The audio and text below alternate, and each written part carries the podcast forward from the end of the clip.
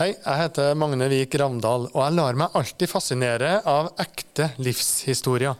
I podkasten På trua løs så skal du få møte Siri Helene Erland. Du skal få høre om idoldeltagelse og sirkus. Du skal få bli med til USA på et bønnehus. Og du skal få høre om trua på en gud som til og med kan være med å regne ut rett antall brødskiver. Siri Helene Erland, er du klar? Ja. Da kjører vi på.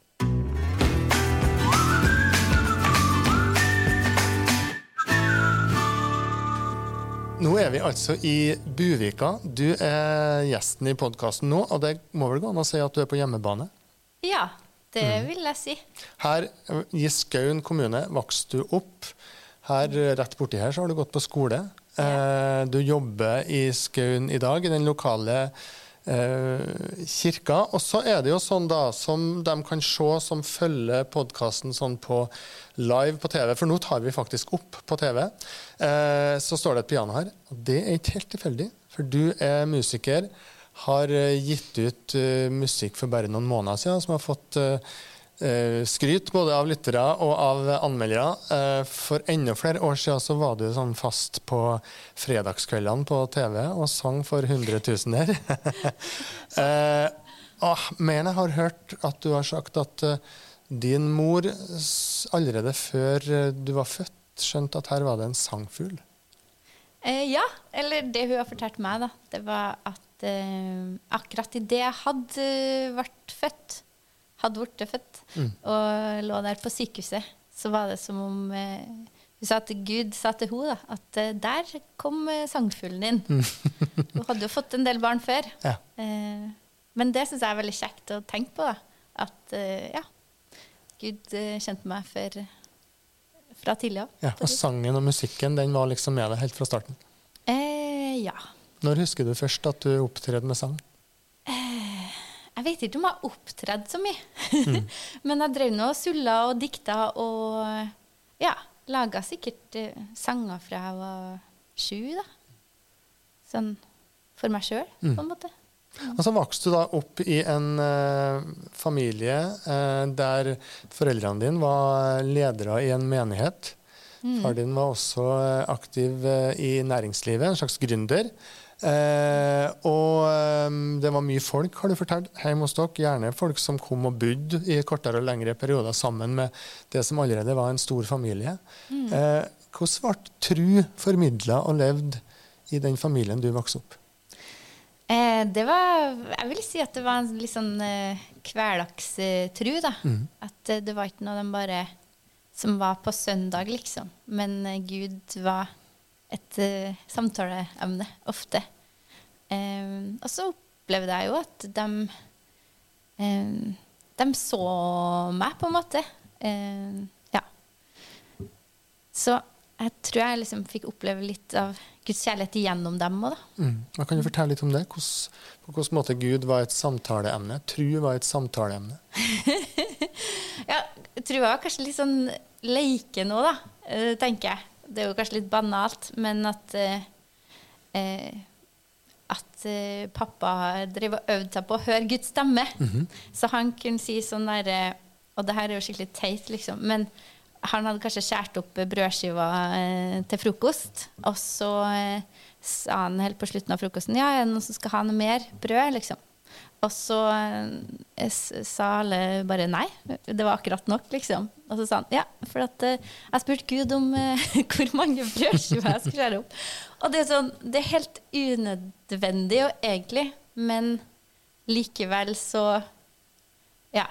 Så tenker jeg at uh, vi kan faktisk på en måte høre Guds stemme, da. Mm. tror det er mulig.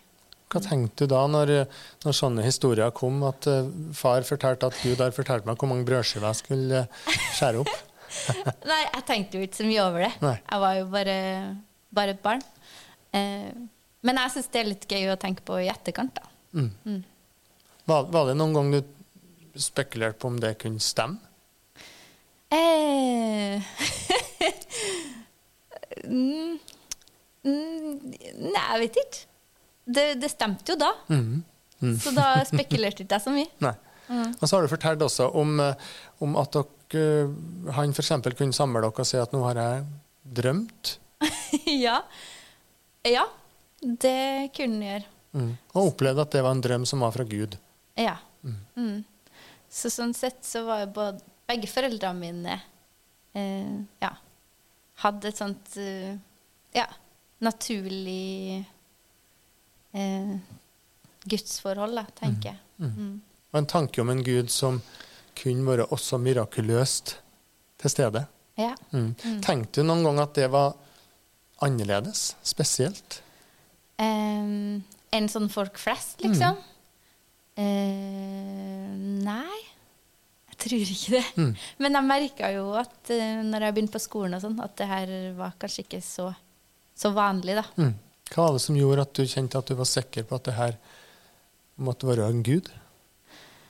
Um, hva tenker du da? Sånn uh, Når, når, du ble, når far da f.eks. For fortalte Ja. historien om Ja. at nå, nå visste han hvor mange brødskiver han skulle skjære opp, eller nå Mm. hadde han fått en drøm som, eh, som var fra Gud til familien, hva, hva var det som gjorde ja. lille Siri Helene trygg på at det faktisk var det?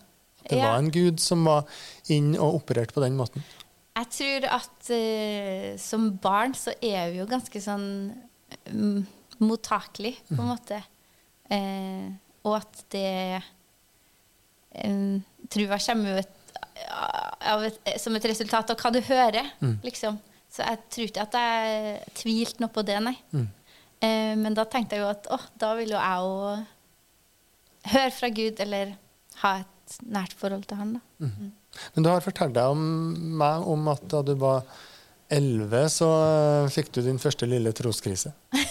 ja. Eh, det vil jeg si ja. Så da gikk jeg gikk nok rundt med ganske sånn store tanker fra, fra jeg var liten, Mm. og hadde mye tid for meg sjøl også. Mm. Eh, så da lurte jeg litt på det, ja. Om, om det her bare var noen ting som, som vi fant opp, liksom. Eller er du der virkelig, Gud? Mm. Eh, og når jeg ber, hvorfor føles du så fjern, da? Eller sånne type ting, da. Mm. Hva, hva resulterte de tankene i for en elleveåring? Eh, den resulterte vel i at jeg bare rett og slett bestemte meg for at nei, jeg, jeg vil faktisk tro. Så orket jeg å, å mate den tvilen, da, på et vis. Mm. Eh, ja. Har det vært sånn senere òg, at du på en måte har bestemt deg, og at du ikke ønsker å mate en tvil? Um, ja, jeg tror egentlig det, altså. Um, mm. Men har du noen gang opplevd at tru kan være krevende? Eh, ja.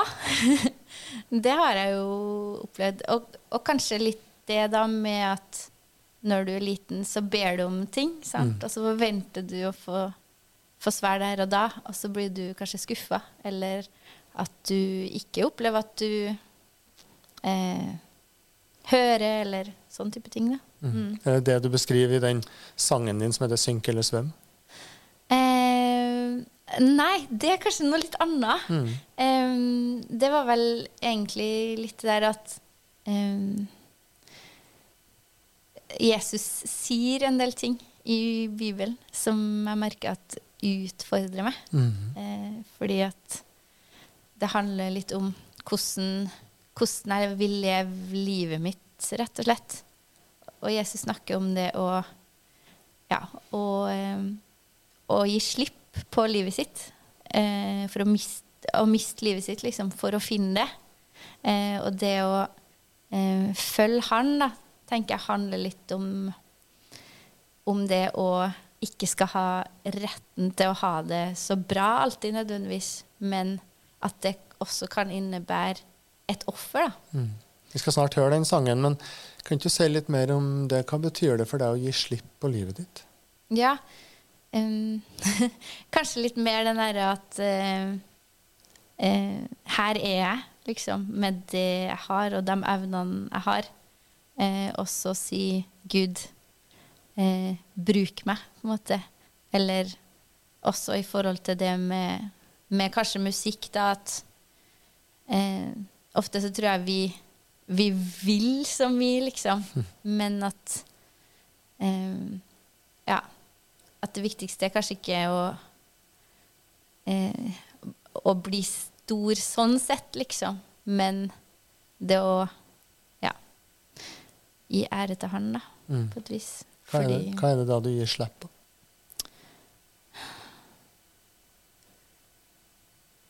Jeg vet ikke. Kanskje mm,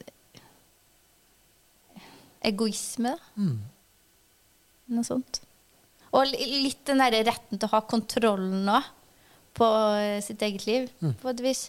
At uh, At ting må line opp, liksom.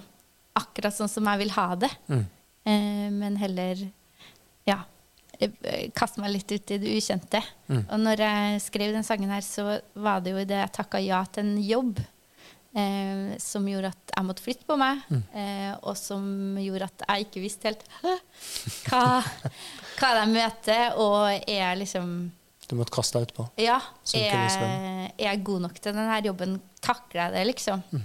Eh, så det, det var liksom eh, det refrenget her da, som Mm. kom til meg, da. Kan ikke du høre den sangen, eh, Siri Helene? Ja.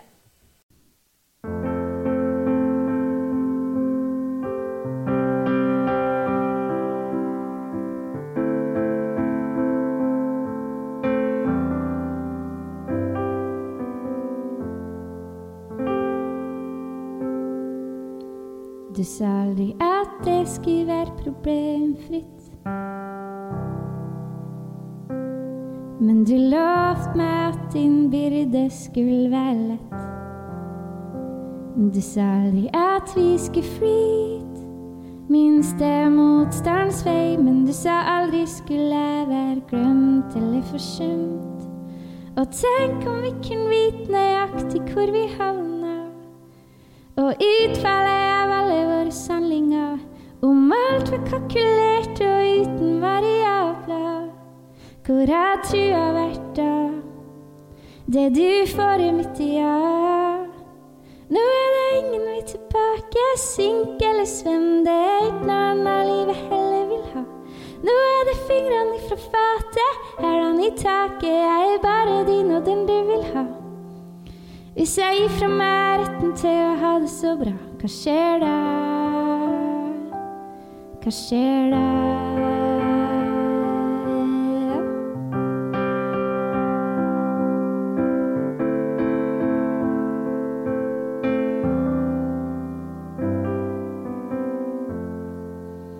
Du sa vi skulle beregne hva det vil koste oss før vi bygger. Hva er prisen vi er villig til å betale? Kan jeg gi slipp på det jeg har, på det trygge? Og si ser meg når du ber meg om et svar. Jeg lurer på hvor gammel var du når du visste at du skulle være et kors og lide din død, om alt var kalkulert og uten variabler. Hvor har trua vært da? Det vi fikk var ditt ja. Nå er det ingen vei tilbake, synk eller svøm, det er ikke noe annet livet heller vil ha. Nå er det fingrene ifra fatet, hælene i taket, jeg er bare din og den du vil ha. Hvis jeg gir fra meg retten til å ha det så bra, hva skjer da? Hva skjer da?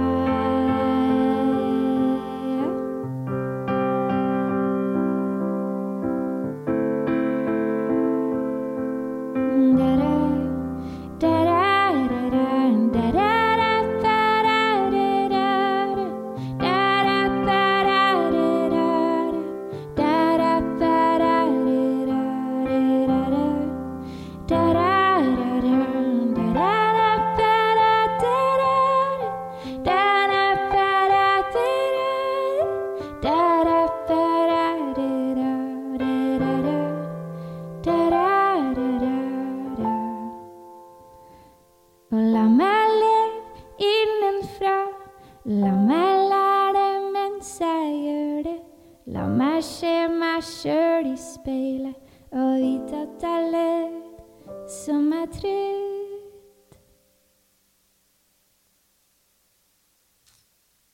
Siri Lene Erland. Nå hadde du fortjent en skikkelig applaus. Men her sitter vi alene i Buvik eh, menighetshus.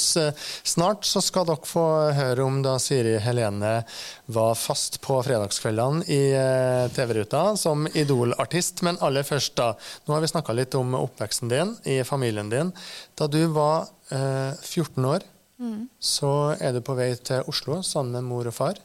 Mm. Eh, sjekke inn på et hotellrom der. Og der får far din et illebefinnende og dør. Forlater mm. dere uh, der. Uh, du blir tilbake igjen sammen med søsken og mor.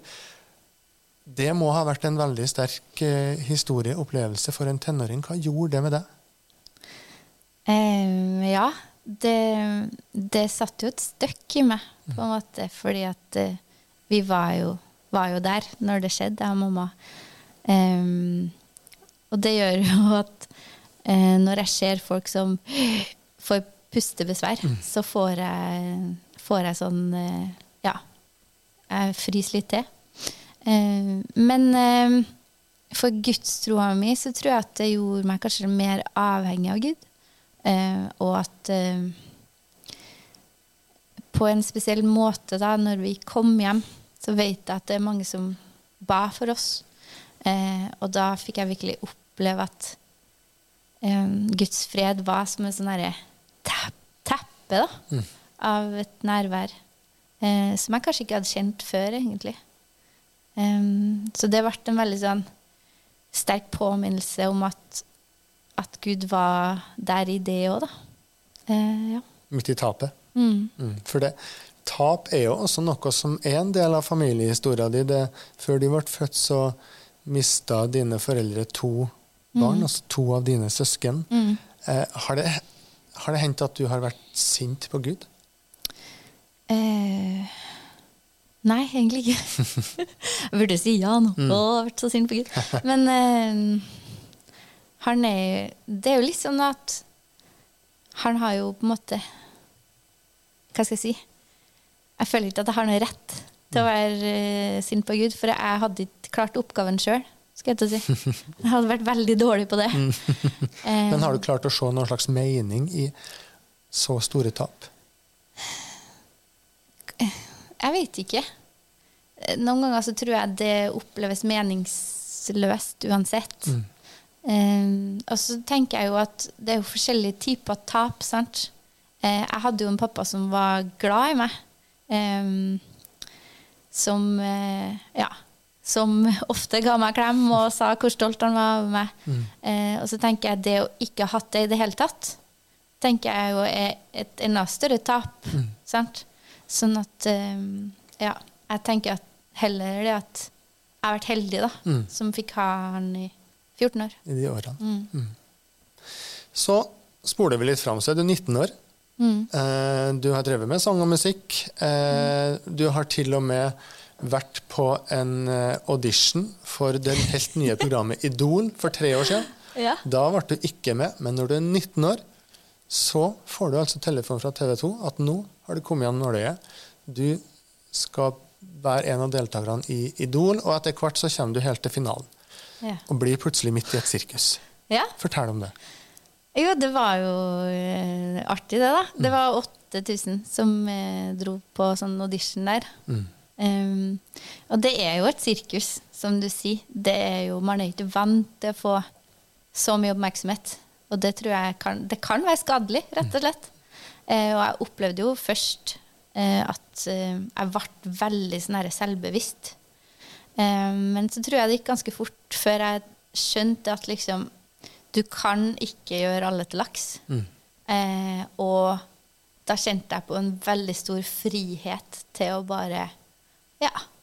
Av meg sjøl, da. For der fikk du jo virkelig høre om du gjorde alle til laks. fordi at det var jo, En ting var jo at det ble referert og kasta terning i aviser, og så fikk du umiddelbart på TV med flere hundre tusen som så på, ja. evaluert at det du nettopp hadde sunget. Ja. Og så er det jo liksom det Det verste er jo når du føler at du sjøl gjør en dårlig jobb. Mm. Det er den følelsen som sitter mest. Fordi at uh, jeg tenker når jeg virkelig Når jeg var fornøyd sjøl, så ja, Gjorde, gjorde du noen erfaringer av tru midt i et sånt sirkus? Ja, um, jeg følte jo på en måte kanskje at det var litt sånn brist eller bære. Mm -hmm. Så her er det bare å, Synk eller svøm? å være ærlig og kjøre på. Så da opplever jeg jo en, en eh, skikkelig frimodighet. Det husker jeg kanskje Det var spesielt en eh, Jeg tror det var VG, en journalist. Når jeg gikk videre fra semifinalen, så var det masse oppstyr og masse sånn eh, journalister der, og de var veldig pågående. Så var det en som var litt sånn i bakgrunnen. Så sa han 'Kan jeg få snakke med deg etterpå?' Um, og han begynte å spørre masse om trua mi, og, og legge ut om sitt eget liv òg, faktisk. Så jeg opplevde at han var interessert. Vi hadde mer sånn kommunikasjon menneske til menneske. Eh, og så Og jeg utleverte jo alt, vet du. Og bare Og så, og så våkna jeg midt på natta, og så tenkte jeg å, shit. Hva har jeg gjort? For man kan jo vende og vri på ganske mye av det man sier. Eh, men da da var det et veldig respektfullt intervju. Også. Mm. Så da var jeg på første sida av Dagbladet. Så sto det liksom 'Synger med Gud', mens jeg ser liksom opp. Så det var, det var veldig, veldig artig å oppleve at jeg følte at jeg kunne ha på en måte integriteten litt i, i behold, da, på det. Mm. Mm. Du snakka om at du vokste opp med at en, en tanke om at Gud var nærværende helt ned på antall brødskiver. Var det sånn her òg, at du tenkte at dette var en slags uh, le, Guds ledelse? Ja, eller jeg tror eh, Jeg og mamma ba faktisk før jeg, før jeg gikk videre til Oslo, at Gud, hvis du ikke har noe bak her, så må du bare stoppe det. Um, men eh, det, det gjorde han jo ikke. Så jeg tror, jeg tror han gleda seg over det. Rett og slett. Hva er det som gjør at du har den vissheten? Også dette var på en måte en del av en, en høyere plan? Ja, jeg tror jo at Hva skal jeg si, da? At noe av det er jo opp til oss. sant? Jeg tror ikke at alt er bestemt på forhånd. Men så tror jeg òg at når vi bruker, bruker gavene våre, eller det vi har fått, da, og ønsker å formidle noe som er, ja, som er godt, så tror jeg at ja, Da er det vanskelig å ikke tro at Gud eh, velsigner det på et vis. da. Så etter at du var ferdig med Idol, så har du var, mens du studerte Idol, så gikk du på bibelskole. Eh, Og så har du utdannet deg innenfor eh, musikk, musikkvitenskap. Eh, og du har vært lærer på folkehøyskole. Og så, i 2012, så satte du deg på et fly over Atlanteren til USA, og så var du et halvt år i et bønnehus. Hva betyr det? Eh, det vil si at jeg dro til noe som heter International House of Prayer Oi. i Kansas City. Um, og var der et halvår. Og da um, har jeg nok vært litt sånn eh, flink pike da, du, på, eh, mens jeg studerte og sånn, så jeg var involvert i så utrolig mye. Uh, og hadde veldig sånn hva skal jeg si, høyt tempo på livet. Og da hadde jeg uh, veldig sånn behov for å um, ja, utforske forholdet til Gud bare for min egen del, uten at det var noe prestasjon i det. da. Så da satt du helt alene? Nei, vi var jo i et bønnehus som har sikkert plass til rom som har plass til sånn 500. Mm. Så var vi der hver kveld, da. Fra seks til tolv. Eh, og da var vi jo en del av en klasse, så vi hadde undervisning på dagtid. Men vi hadde liksom all verdens slags tid. Mm. Bare til å sitte og lese Guds ord, men også å synge og eh, Ja. Så det var så masse av tingene som står i salmene, f.eks., eller sånn, som bare ble veldig sånn levende for meg den perioden. Og det er jo også veldig mye av der eh, inspirasjonen for det jeg har skrevet. Har starta, da. Hva fant du ut helt konkret? Hva betydde det for trua di? Et halvt år i et bønnehus. Eh, Kanskje mer sånn trygghet i relasjon til Gud, da. Mm. At uh, det var nok på en måte å bare være dattera hans, og det er det jeg først og fremst er. Og så er resten av livet får leves ut av det, da. Kanskje. Nå er du jo i dag eh, Vi snakka om helt i starten at du er på hjemmebane også fordi at du jobber her i Skaun, i kirka, som det som kalles for menighetspedagog. Altså du driver barne- og ungdomsarbeid i, i kirka. Og det å være nok er vel kanskje et eh, noe som mange ungdommer i dag snakker om. Eh, er jeg bra nok? Hva er det viktigste du ønsker å gi av de tru til, til dem? Jeg tenker nok egentlig at det meste derre Gud som en god far, da, eh, som bekrefter og ser oss. Eh, og jeg tror at vi alle vi trenger den anerkjennelsen. Eh, og vi søker den så mange plasser, men så blir vi liksom aldri helt eh, tilfredsstilt. Eh, men, eh, men det ønsker jeg virkelig å formidle, det der med Gud som en god far og, og hans kjærlighet. Mm. Hvordan vil du beskrive trua di i dag etter alle de eh, historiene som jeg har vært innom med, med eh, både, både store opplevelser og også av tap? Eh, litt kjendisstatus. Eh, plutselig et halvt år i et bønnehus. Eh, hvor står trua di i dag? Um, jeg føler vel at, at uh, jeg har, har en del historie med Gud, og det er jeg veldig takknemlig for. Også på en annen side så føler jeg at jeg ikke kjenner den nesten i det hele tatt. Um, så det er litt sånn dobbelt på et vis. Uh, men, um, men jeg er liksom så utrolig takknemlig, for at jeg tror at det beste livet, da, det er å få tilhøre Han, liksom. Eh, så ja, så takknemlig er vel kanskje et stikkord, da. Takk skal du ha, Siri Helen Erland. Eh, Podkasten på Trua løs den er, er laga av Nidaros bispedømme. Jeg heter Magne Vik Ravndal, og den podkasten kan du da stadig høre med nye møter med mennesker om skjæringspunktet mellom liv og tru. Og den finner du alltid på våre nettsider, på Spotify og alle andre plasser hvor podkasten ligger.